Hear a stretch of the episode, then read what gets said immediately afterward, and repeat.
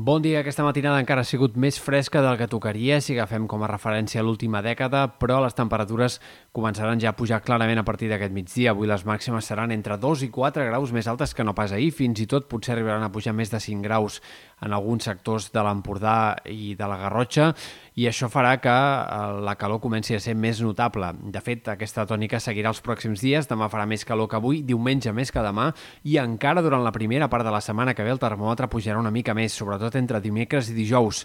Per tant, clarament entrarem en una fase de calor intensa que començarà a ser ja destacable diumenge amb temperatures per sobre dels 35 graus en comarques interiors i que podria arribar a ser fins i tot una mica extrema de cara a dimecres i dijous amb màximes al voltant dels 40 graus en comarques de Ponent eh, calorada destacable i que segurament potser també el més destacable sigui que serà més persistent que no pas les que hem tingut en aquest eh, estiu fins ara. De moment, la calorada més persistent que havíem tingut va ser tres dies durant el mes de juny, a mitjans del mes de juny, ara podrien ser tranquil·lament 4 o 5 com a mínim. Pel que fa a l'estat del cel, poques novetats. Avui el sol predominarà, nuvolades a la tarda, però ja sense els ruixats dels últims dies.